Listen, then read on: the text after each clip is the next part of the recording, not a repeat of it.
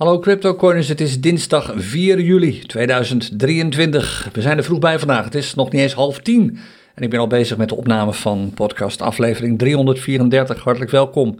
Het wordt niet zo'n hele lange aflevering vandaag, want er is niet zo heel erg veel te vertellen. Het is immers een uh, vakantiedag in Amerika vanwege Independence Day. Uh, er zijn wel een paar kleine nieuwigheidjes en de charts bieden ook niet al te veel verrassing op dit ogenblik. In ieder geval niet als je naar gisteren hebt geluisterd. En zeker niet als je de podcast van vorige week donderdag hebt gehoord. Dan ben je eigenlijk al uh, goed op de hoogte. Het rapportcijfer hetzelfde als um, gisteren. 6 heeft ook exact dezelfde oorzaken, precies dezelfde indicator, indicators, op de, indicators op de charts en precies dezelfde meldingen van de scanner die daartoe leiden. Uh, voordat we de charts erbij pakken en even wat kort extern nieuws bespreken, eerst even wat dingen van onszelf. Uh, de reden dat ik zo vroeg ben vandaag is uh, natuurlijk de stream die we vanmiddag gaan doen om 4 uur Nederlandse tijd. Dan gaan we live omdat we je gaan vertellen wat onze plannen zijn om jou te helpen om de exit van Binance uit Nederland zo goed mogelijk op te vangen. We hebben een flink aantal dingen voor je gepland en daar gaan we vanmiddag al langzaam maar zeker je doorheen praten. En dan komt er volgende week nog een hele hoop extra content in verband met het vertrek van Binance uit Nederland. Weet je dat ook alvast. Maar als je erbij kunt zijn, vanmiddag om 4 uur ben je van harte welkom. De link vind je op onze speciale pagina hiervoor www.cryptocorners.nl slash Binance stopt in Nederland. Alles aan elkaar geschreven. En je ziet de link ook in beeld als je meekijkt en ook bij de show notes van deze podcast. Uh, er kwamen wat vragen van mensen die zeiden, gaat dit ook over België? Het antwoord is nog niet, maar je weet natuurlijk maar nooit. Uh, een aantal weken geleden, uh, inmiddels alweer bijna twee weken geleden, kwam opeens de aankondiging van ehm, de, Amerika de Amerikaanse, de Belgische toezichthouder, dat ze Binance willen verbieden, dat ze willen voorkomen dat Binance nog actief is in België. Maar daar is het tot nu toe min of meer bij gebleven. Een aantal Belgische Binance-leden geeft aan dat ze niet meer kunnen handelen met futures, wat tot voor kort nog wel mogelijk was. De, wat we daarover horen is een beetje divers. Sommige mensen zeggen dat dat bij hen niet meer gaat. Andere mensen in België zeggen dat zij nog niets merken. Er gebeurt dus wel wat. Er beweegt op dit ogenblik wat.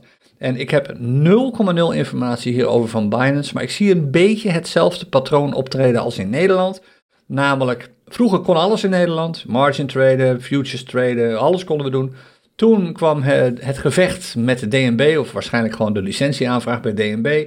Dat werd allemaal heel lastig, dat weten we. Maar aan het begin van die licentieaanvraag uh, besloot Binance ook om in Nederland de stekker eruit te trekken wat het handelen in futures en margin trading betrof. En dat zie je nu in België ook gebeuren. Dus misschien speelt zich exact hetzelfde scenario af. En is het nog lang niet zo dat in België de stekker eruit gaat. Maar ja, wie het weet mag het zeggen. Wij nemen België vanmiddag niet echt mee in onze stream, omdat daar immers nog niet veel is veranderd. Maar ja, als het in België daadwerkelijk zover komt dat daar ook de stekker eruit gaat, dan heb je daar eigenlijk exact hetzelfde scenario als in Nederland. Dus heb je altijd later nog misschien wat aan de opname van die stream. Dan, dat doen we vanmiddag om 4 uur. En vanavond om half acht hebben we een speciaal webinar. Dat geeft Kevan. En dat gaat over chartpatronen. Hoe kun je van tevoren min of meer zien aankomen dat de prijs op het chart zomaar omhoog schiet? Misschien wel met 10% of meer. Vaak zijn chartpatronen daarvoor de oplossing. We hebben er hier ook in, het, uh, in de podcast wel eens een paar laten zien. Denk even terug aan die uh, Bitcoin Falling Wedge van een, volgens mij anderhalf, twee weken geleden. Die eigenlijk min of meer voorspelde dat de uitbraak naar de 31.000 dollar er nu echt wel aan zat te komen. Nou, dergelijke chartpatronen die bespreekt Kevan vanavond in zijn speciale webinar. Het zal wel lekker druk worden, maar er is plaats genoeg. Het webinar vindt plaats op YouTube en je vindt de link uh, ook weer op bij de show notes van deze podcast en anders op uh, www.cryptocorners.nl slash webinar. Je ziet het nu ook in beeld. Morgen, dat is het minder leuke nieuws, hebben we geen bijeenkomst in het Crypto Corners Café. Dat laten we een weekje lopen. En nu alvast, als je daarop uh, bent voorbereid, aanstaande donderdag is er ook geen Crypto Corners podcast. Dus deze week heb ik een wat kortere week, maar wel een vrij intensieve als het om Crypto Corners gaat met behoorlijk veel content. Nou, dat was hem. Wat intern betreft, uh, klein beetje nieuws van buitenaf. Het is natuurlijk stilte op dit ogenblik. Overwegend stilte vanuit Amerika, omdat Wall Street vandaag echt dicht is. Het enige interessante nieuws, of niet wat ik interessant vond, was dat van BlackRock. Gisteren hadden we al even over dat de Amerikaanse toezichthouder, de SEC, een aanvraag van BlackRock had geweigerd om ETF's, Bitcoin ETF's, Exchange um, Trading Funds, eigenlijk gewoon een papieren versie van Bitcoin dat de aanvraag die BlackRock had gedaan voor die ETF's, die werd geweigerd door de Amerikaanse toezichthouder. En de reden van SEC was, ja, de informatie is niet toereikend, het is niet duidelijk en niet uitgebreid uh, genoeg. Er waren al een paar andere dingen. Nou, sommige daarvan zijn al opgelost. En inmiddels, en dat gebeurde gisteravond, 5 uur, 6 uur onze tijd geloof ik, is er door BlackRock een nieuwe aanvraag ingediend. Een herziene aanvraag. En eergisteren, toen die, of vrijdag eigenlijk, toen die aanvraag werd afgewezen, kelderde de prijs van Bitcoin met 5%. Dat herstelde relatief snel. En gisteren, toen die aankondiging kwam dat er een nieuwe aanvraag was, toen steeg de prijs van Bitcoin ook weer. We gaan dat straks mooi even terugkijken op de urenchart van Bitcoin. En wat die urenchart betreft, we zijn er bijna, want we gaan nu al naar de charts. Als je meekijkt, dit is de Bitcoin dagchart op Bitstamp. De prijsontwikkeling van Bitcoin op die chart is eigenlijk nog steeds conform de trend. Er is uh, niet al te veel veranderd. We zijn nog steeds op weg naar een nieuwe piek. Technisch gezien zou je kunnen zeggen, misschien hebben we de nieuwe piek gisteren al te pakken. Gisteren is de hoogste prijs 31.378 dollar geweest. Dat is iets lager dan de vorige piek. Die hadden we op vrijdag de 23ste, die 31.458. Nou, zou je natuurlijk kunnen zeggen, hé, hey, dat is een lagere piek dan de vorige. Dat is een eerste bearish signaal. Maar als je even naar die chart kijkt, dan zie je ook wel van, nee, dit is eigenlijk gewoon dezelfde prijs. Er zou misschien een driehoek kunnen gaan ontstaan of wat contractie. De prijzen komen steeds dichter bij elkaar. En eerlijk gezegd, we zitten nu in een bullish trend. Het zou ook zomaar kunnen dat vandaag, zeker omdat er waarschijnlijk weinig slecht nieuws uit Amerika kan komen, omdat Amerika min of meer dicht is. Het zou zomaar kunnen dat die rode candle van dit ogenblik, het is nu half tien als ik dit zeg, omkeert in een groene candle en we dus een nieuwe high gaan zien. Die kans is echt groot. En dat we boven die 31.458 uitkomen. In ieder geval op Bitstamp, want op andere handelsplatformen zijn al hogere prijzen genoteerd dan die 31.458 van 23 juni. En daar is zelfs een nieuw jaarrecord gezet. Daar is de prijs hoger geweest dan sowieso in het afgelopen jaar. Het ziet er dus eigenlijk allemaal, het, ziet, zag er al bullish uit, maar je ziet nu dat ook de prijs van Bitcoin die bullish trend daadwerkelijk accepteert en met die trend meegaat. Dus naar mijn mening is de kans op een groene candle vandaag absoluut groter dan de kans op een rode candle. En als er vandaag een groene candle komt, wordt die waarschijnlijk een rode candle komt, uh, wordt die morgen weer opgegeten. We hebben nu vijf rode candles op rij. Het is relatief natuurlijk, zelfs als je in een stijgende trend zit, dat er dan even een uh, rode candle tussendoor komt, die de dag later weer is opgegeten. En je ziet, als je meekijkt op de chart, zie je een mooi voorbeeld. We hebben op uh, eh, 12 maart, of eigenlijk 11 maart, hebben we de start gezien van een rally, een, een snel stijgende prijs. En dat gebeurde met een groene candle op 11 maart, een groene candle op 12 maart, een groene candle op 13 maart, ook eentje op 14 maart. Toen een kleine rode candle. En dat is eigenlijk natuurlijk. Na een aantal dagen groen komt er eigenlijk altijd wel een dag rood. Maar die werd vervolgens opgegeten. Oftewel, als je naar de twee dagen chart zou kijken, dan zou je die rode candle niet eens zien. Die zou weg zijn, omdat je eigenlijk daarna alweer een groene hebt. Nou, dat opeten, dat gebeurt vaak bij een korte groene candle. Geeft ook aan dat er weinig momentum was op dat ogenblik. Lange candles geven vaak een stijgend momentum aan. Korte candles doen het niet. Dus je ziet hier veel momentum. Momentum loopt wat terug, een groene candle. Weer weinig momentum op 15 maart en daarna neemt het momentum meteen weer toe op 16 maart en 17 maart. En dat bleef zelfs nog wel even doorgaan. Je ziet wel op een gegeven moment dat het aantal groene en rode candles snel wisselt. En dat is vaak het einde van een bullrun, zoals nu ook hier. En hier apart genoeg, we hebben hier een snelle, hetzelfde feest eigenlijk. De periode vanaf 19 juni. De eerste groene candle, ook weer een rally. Een lange groene candle op de 20ste, weer een lange op de 21ste. Stijgt het momentum dus een kleine groene, rode candle en daarna meteen weer de groene. Oftewel, die rode candle is ook weer opgegeten door de groene candle op vrijdag de 24e. Maar daarna was het momentum even weg en nu komt het momentum weer terug vanaf de 29e. En nu is dus maar de vraag, is die candle van vandaag rood en wordt hij morgen opgegeten? Of wordt hij misschien vandaag wel gewoon groen, omdat er best wel veel momentum in de markt is nog? Kijk maar naar die andere indicators die we gisteren ook al hebben besproken. De Keltner Channels om te beginnen, daar zit de prijs nu al best lang boven. Twee weken. Eigenlijk is het twee weken of is het één week? Even kijken, één. Nee, dat is twee weken al. De prijs zit nu al twee weken lang boven de bovenste band van de Keltner Channels.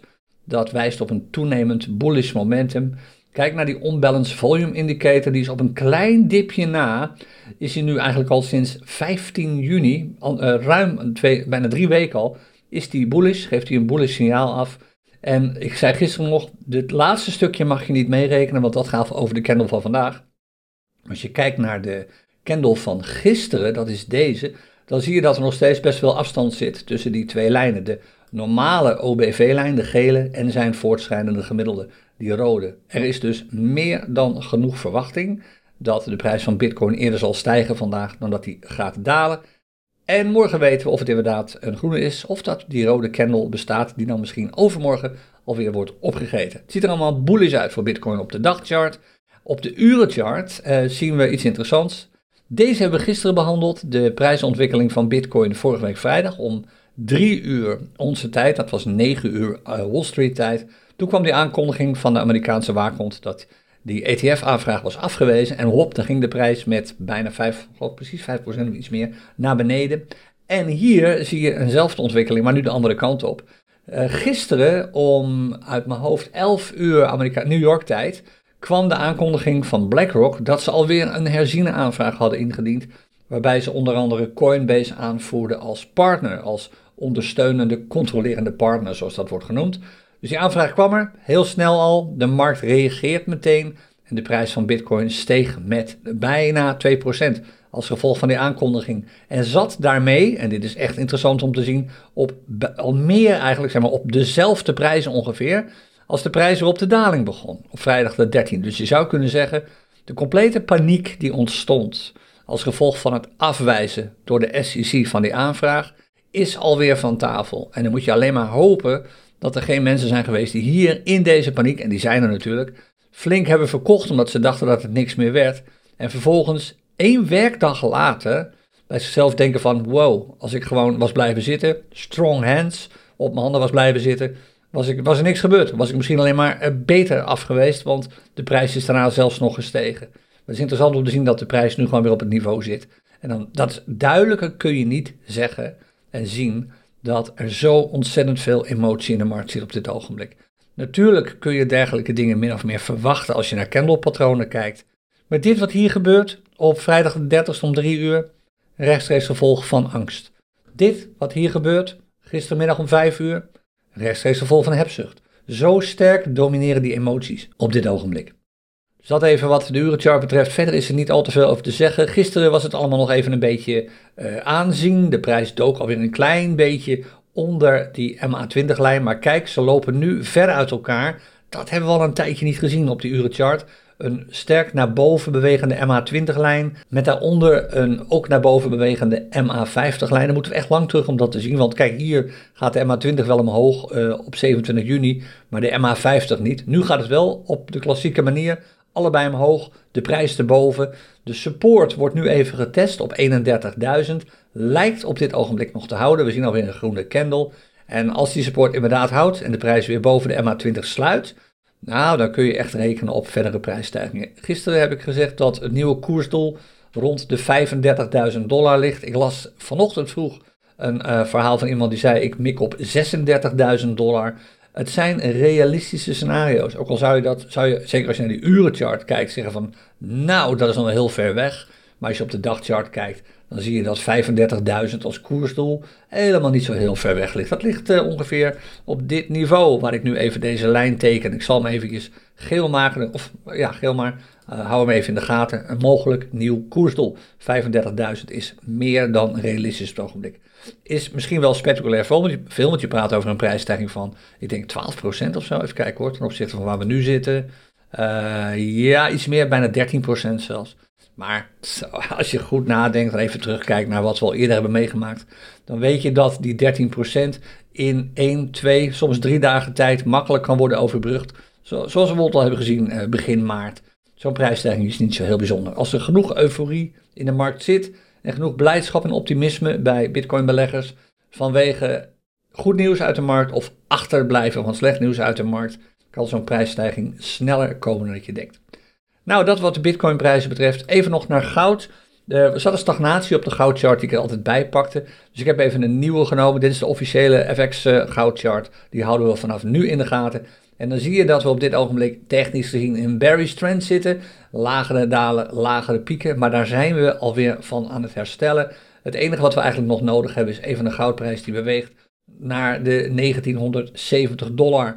En de kans dat dat gebeurt wordt alweer wat groter, want het is niet zo dat het pessimisme in de markt, in de aandelenmarkt, begint toe te slaan, maar de euforie is alweer een klein beetje weg. Aandeelhouders beseffen maar al te goed inmiddels dat de prijzen misschien wel te geflatteerd zijn en dat de SEC, sorry, de, F, de Fed, de Amerikaanse centrale bank, niet echt heel helder is geweest bij haar voorspellingen over wat ze gaan doen met renteverhogingen de rest van het jaar. Ze sluiten ze zeker niet uit. En als straks iedereen weer terug, terugkomt van vakantie, ja, op de aandelenmarkten heerst het mantra verkopen in mei, kom terug in september. Zoals iedereen straks na de zomervakantie weer terug is, is de kans vrij groot dat die ellende met al die renteverhogingen gewoon nog even doorgaat, want de inflatie is niet onder controle. En twee, maar ik herhaal mezelf, bij de banken is het ook allemaal niet zo fris. Er wordt een waanzinnige hoeveelheid geld op dit ogenblik door met name de wat kleinere banken geleend bij de Amerikaanse centrale bank om de financiën enigszins op orde te houden. Het is leuk dat er een stresstest is geslaagd bij een paar grote jongens, maar heel erg veel kleine banken zijn, zoals dat heet, overexposed. Oftewel hebben veel te veel geld zitten in leningen aan bedrijven voor commercieel economisch uh, goed, uh, commercieel ehm, real estate, hoe heet dat? onroerend goed. En dat is een, een veegteken. Dat betekent dat er van alles aan de negatieve kant kan gebeuren. En als dat gebeurt, moet je eens kijken wat er dan met de prijs van goud gaat plaatsvinden. Dat kan echt door het dak schieten. Ik zit er eigenlijk op te wachten dat dat in de loop van dit jaar een keertje gaat eh, knallen. Hoe zit het met de angst- en hebzucht-index op Wall Street? Ik gaf hem al even aan. Gisteren hadden we 78. Nee, gisteren hadden we 83 zelfs. We waren al hoger dan dit. En nu zijn we gedaald. We zijn nog steeds in de extreme hebzuchtzone. We staan nu op 79. Ik zag het ding vanochtend vroeg even rond een uur of acht onze tijd even naar de 85 schieten. Maar inmiddels zitten we alweer op de 79. Ik denk dat het een kwestie van tijd is voordat hij gewoon weer gaat dalen en weer in greed terechtkomen en dan weer in neutral. Het beweegt vrij heftig op dit ogenblik, dat merk je. Het is allemaal niet zo heel erg, uh, hoe leuk het er ook uitziet, niet zo heel erg positief. En dat komt omdat het bewustzijn er echt wel is dat de meeste aandelen gedaald zijn in prijs en zeker niet gestegen. De tech-jongens, en met name de grote, die doen het aardig. Uh, sommigen doen het zelfs heel goed. Maar de kleinere uh, aandelen, die hebben helemaal niet zoveel positiefs te melden als het gaat om de prijsontwikkeling. En daarom is deze extreme hebzucht, naar mijn mening, volledig misplaatst. Maar ja, dat heb ik al vaker gezegd, we gaan het allemaal meemaken. Hoe is het dan voor ons traders op dit ogenblik? Nou, helemaal niet zo slecht. Dit is de heatmap en hoewel Ether nu even is omgekeerd naar ja, licht, licht, licht, licht roze. Met 0,02% in de min. Was deze nog groen uh, vlak voordat ik begon met de opname van de podcast. En dat betekent dat we een twee punten erbij krijgen voor deze heatmap. En de ITER-prijs sowieso wil je in de gaten houden. Want het lijkt erop dat we afgaan op de 2000 dollar zone. Waar we een tijdje vandaan zijn geweest. Maar we komen langzaam maar zeker weer terug in de buurt daarvan. Heeft ook wat te maken met wat geruchten die er waren over uh, de grote baas van uh, het Ethereum-project. Eh, Vitalik Buterin, uh, of Buterin heet de man, sorry, blijkt allemaal misplaatst te zijn. er gingen meer geruchten deze week. ook bij ons in de Telegram groepen werden enthousiaste verhalen gepost over de grote baas van de SEC, Gary Gensler, die zijn ontslag zou hebben ingediend. Allemaal absolute nonsens natuurlijk. Even als je zoiets leest, altijd je eigen onderzoek goed doen en niet op één nieuwsbron afgaan, maar op meer nieuwsbronnen. En pak vooral niet de sensatie nieuwsbronnen, maar Kijk even naar de serieuze jongens. Als die hetzelfde zeggen, dan is het waarschijnlijk wel waar. Maar een spektakelsite die meldt dat Gary Gensler zijn ontslag neemt, dat mag je niet serieus nemen. Dus kijk een beetje uit met het posten van dergelijke enthousiaste verhalen, want ook die kunnen weer leiden tot teleurstelling. Als blijkt dat het allemaal niet waar is en dus uiteindelijk weer indirect fut gaan opleveren. Nou, we houden deze green map toch of eh, heatmap toch nog maar even op dominant groen. Is hij ook op dit ogenblik meer dan 50%. Het is lekker weer om te traden op het ogenblik.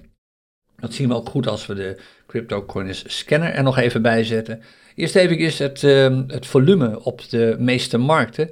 Dat ziet er beter uit dan gisteren. En sterker nog, het ziet er helemaal niet zo beroerd uit, gezien het scenario waar we in zitten. Op Binance zijn er op dit ogenblik 27 muntparen, dat zijn er 6 meer dan gisteren, met een marktvolume van meer dan 50 bitcoin. En dat komt ook overeen met de al eerder gerapporteerde cijfers over de inflow, het hoeveelheid geld die er op exchanges bij komt om te gaan traden, die loopt duidelijk op, die inflow.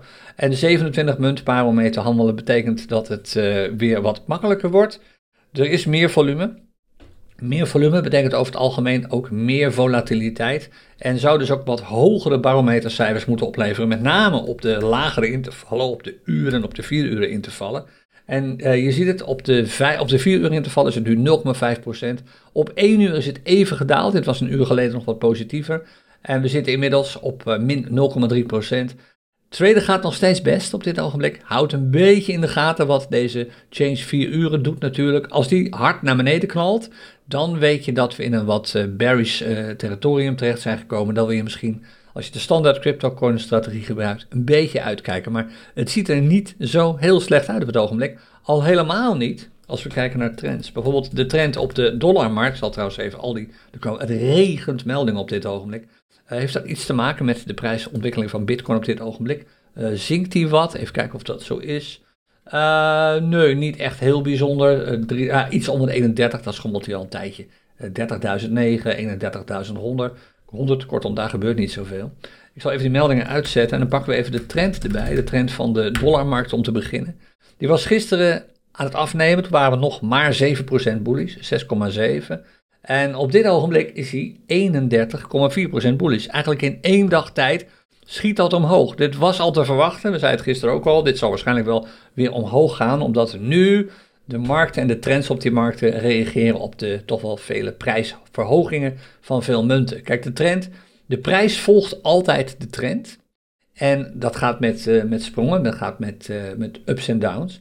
En de trend hobbelt altijd een beetje achter de prijs aan. Klinkt een beetje gek dit, maar het betekent het volgende. Als je met een bullish trend hebt, of een bullish trend uh, te maken hebt, dan zul je zien dat de prijs met die trend meeloopt naar boven. En af en toe wat daalt en dan weer wat stijgt. De kans op stijging is gewoon groter dan de kans op dalingen.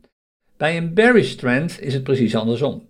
Maar als je in een bullish trend zit en de prijs begint opeens significant te dalen, dan blijft die trend gewoon bullish, totdat die dalingen te lang duren en je pieken en dalen krijgt die steeds lager worden. Dan pas keert die trend om. Dus vandaar dat kunt zeggen, de trend hobbelt altijd een beetje achter de prijs aan. En dat zie je hier nu ook gebeuren. We zien al een aantal dagen lang stijgende prijzen ten opzichte van de dollar van de meeste altcoins. Nu zie je automatisch dat dat gevolgen heeft voor de trend, die weer positiever is geworden. 31,4% bullish. Dat is mooi. Misschien gaan we wel naar de 40, 50% toe eerdaags. En je natuurlijk een beetje uitkijken dat de markten niet oververhit raken. Maar dit betekent dat je als je op dit ogenblik de 2.0 strategie gebruikt en je handelt met de dollar als basismunt, dat het lekker traden is. Nou, hoe is het dan met de Bitcoin als basismunt? Die was nog bearish. Dat werd wat uh, minder bearish. En nu, op dit ogenblik, op 4 juli, een dag nadat we 7,6% bearish hadden, schrijven we op licht bullish. 0,7% bullish. Dus niet heel spectaculair bullish nog op dit ogenblik. Maar de gemiddelde trend op alle marktparen, waarbij de langer durende charts meer meewegen dan de kortdurende charts, is al licht bullish geworden. En dat zal betekenen dat je ook in de loop van de dag en waarschijnlijk morgen, als je de CryptoCoins scanner gebruikt, steeds meer meldingen zult tegenkomen waarbij je ziet dat er een markttrend is die bullish is en best wel veel hoog bullish is. En dat maakt het gewoon wat makkelijker om te traden. Dus het is nog niet overtuigend. Ik zei het is net bullish. Maar het is in ieder geval niet meer zwaar berries, dat is al goed nieuws. En als dit nog een paar dagen doorzet met die prijsverhogingen, met wat uh, groene heatmaps, dan is de kans vrij groot dat we ook wat de bitcoin trends betreft, de, marktcoin, de markttrends voor de bitcoin paren, dat we naar een 20% bullish scenario toeschieten, of misschien nog wat meer. Oké, tot zover deze wat uh, kortere, snelle aflevering van de CryptoCoins podcast. Ik heb mijn handen vandaag vol aan het voorbereiden van de Binance uh, vertrekt uit Nederland livestream die we vanmiddag om 4 uur gaan doen. Vandaar het vroege tijdstip en de wat uh, uh, korte update. Morgen ben ik weer met de dan laatste podcast van deze week. Tot die tijd heb je nog twee livestreams voor de boeg. Daar wens ik er vast veel plezier mee. En ik zie je of vanmiddag om 4 uur uh, op YouTube met onze livestream. Of ik zie je en spreek je morgen weer bij de Crypto podcast. Happy trading en tot dan. Dag.